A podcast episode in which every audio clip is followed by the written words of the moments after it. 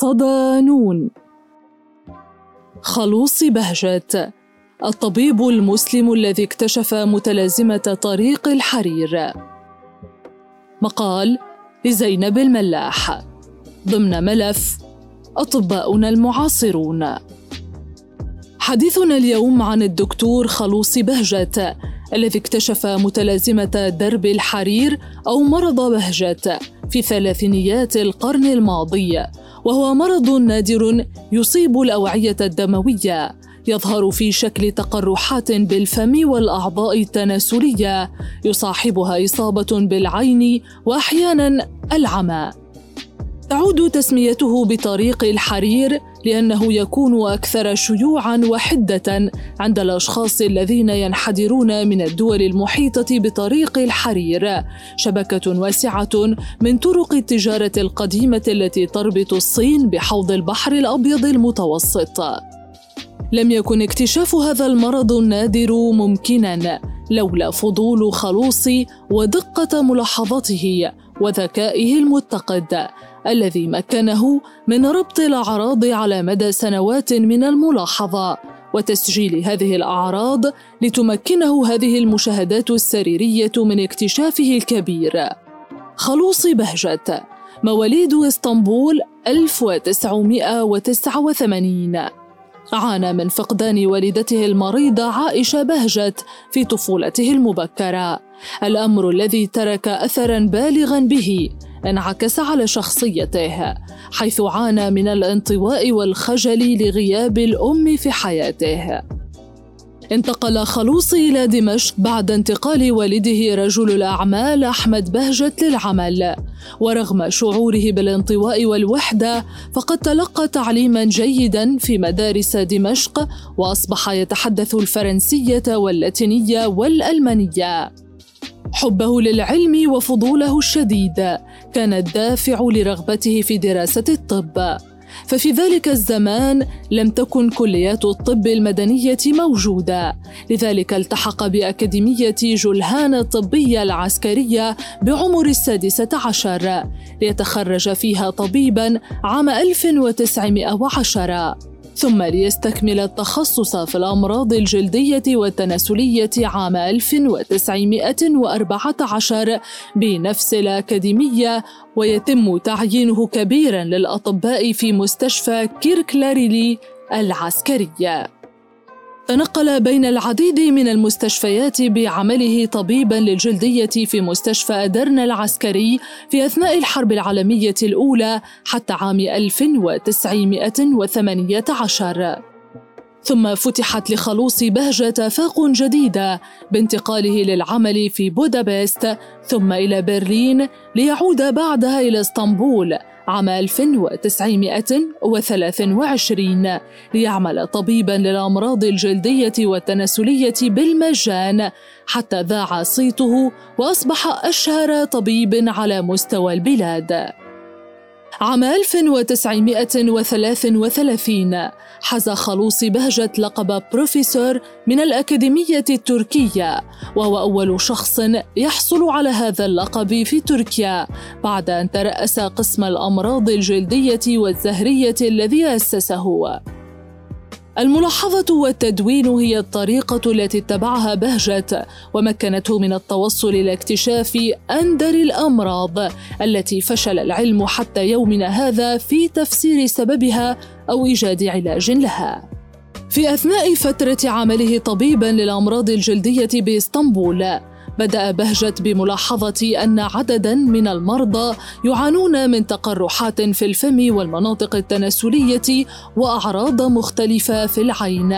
ثم تابع حالتهم لسنوات عديدة حتى عام 1937 حين كتب آراءه ونشرها في Dermatologische Wochenschrift وعرض ما توصل إليه في اجتماع أطباء الجلدية بباريس حين لاقى اكتشافه القبول عند أطباء العيون في حين رفض أطباء الجلدية الأوروبيون ما توصل إليه واستمروا في إنكار المرض الجديد. في أثناء نكرانهم للنتائج التي توصل إليها خلوص بهجت في الأعوام التي تلت نشر اكتشافه نشر عدد من الأطباء مشاهداتهم لحالات شبيهة لما وصفها خلوص بهجت في بلجيكا والنمسا والولايات المتحدة واليابان والدنمارك وسويسرا.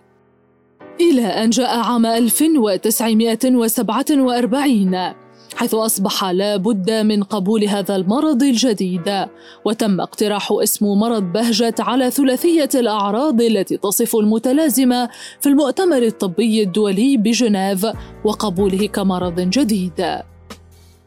شغف خلوص بهجة بالعلم والبحث والكتابة كان هاجسه الأكبر فقد اهتم بمرض الزهري وطريقة تشخيصه وعلاجه.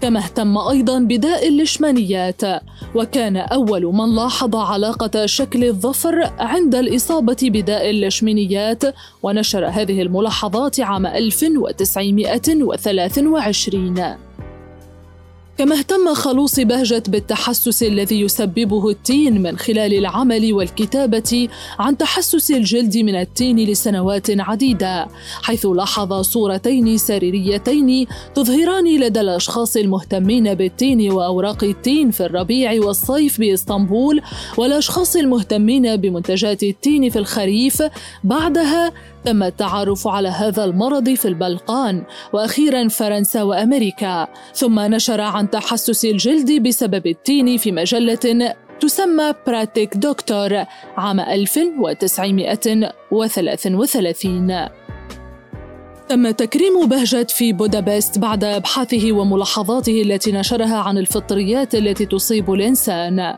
حاول خلوص بهجة يبقي الطب في تركيا مواكبا لكل جديد حيث كان يترجم المقالات والبحوث الطبية الحديثة إلى اللغة التركية كما أصدر دورية طبية مختصة بالأمراض الجلدية والتناسلية عام 1924 اسماها Turkish Archives of Dermatology and Syphilology كتب خلوص بهجة مؤلفا قيما في الطب أسهم في تطور الطب بتركيا عن طريقة تشخيص مرض الزهري والمشاهدات وملاحظاته الثرية في حاشية الكتاب الذي أسماه Clinical and Practical Syphilis Diagnosis and Related Dermatosis.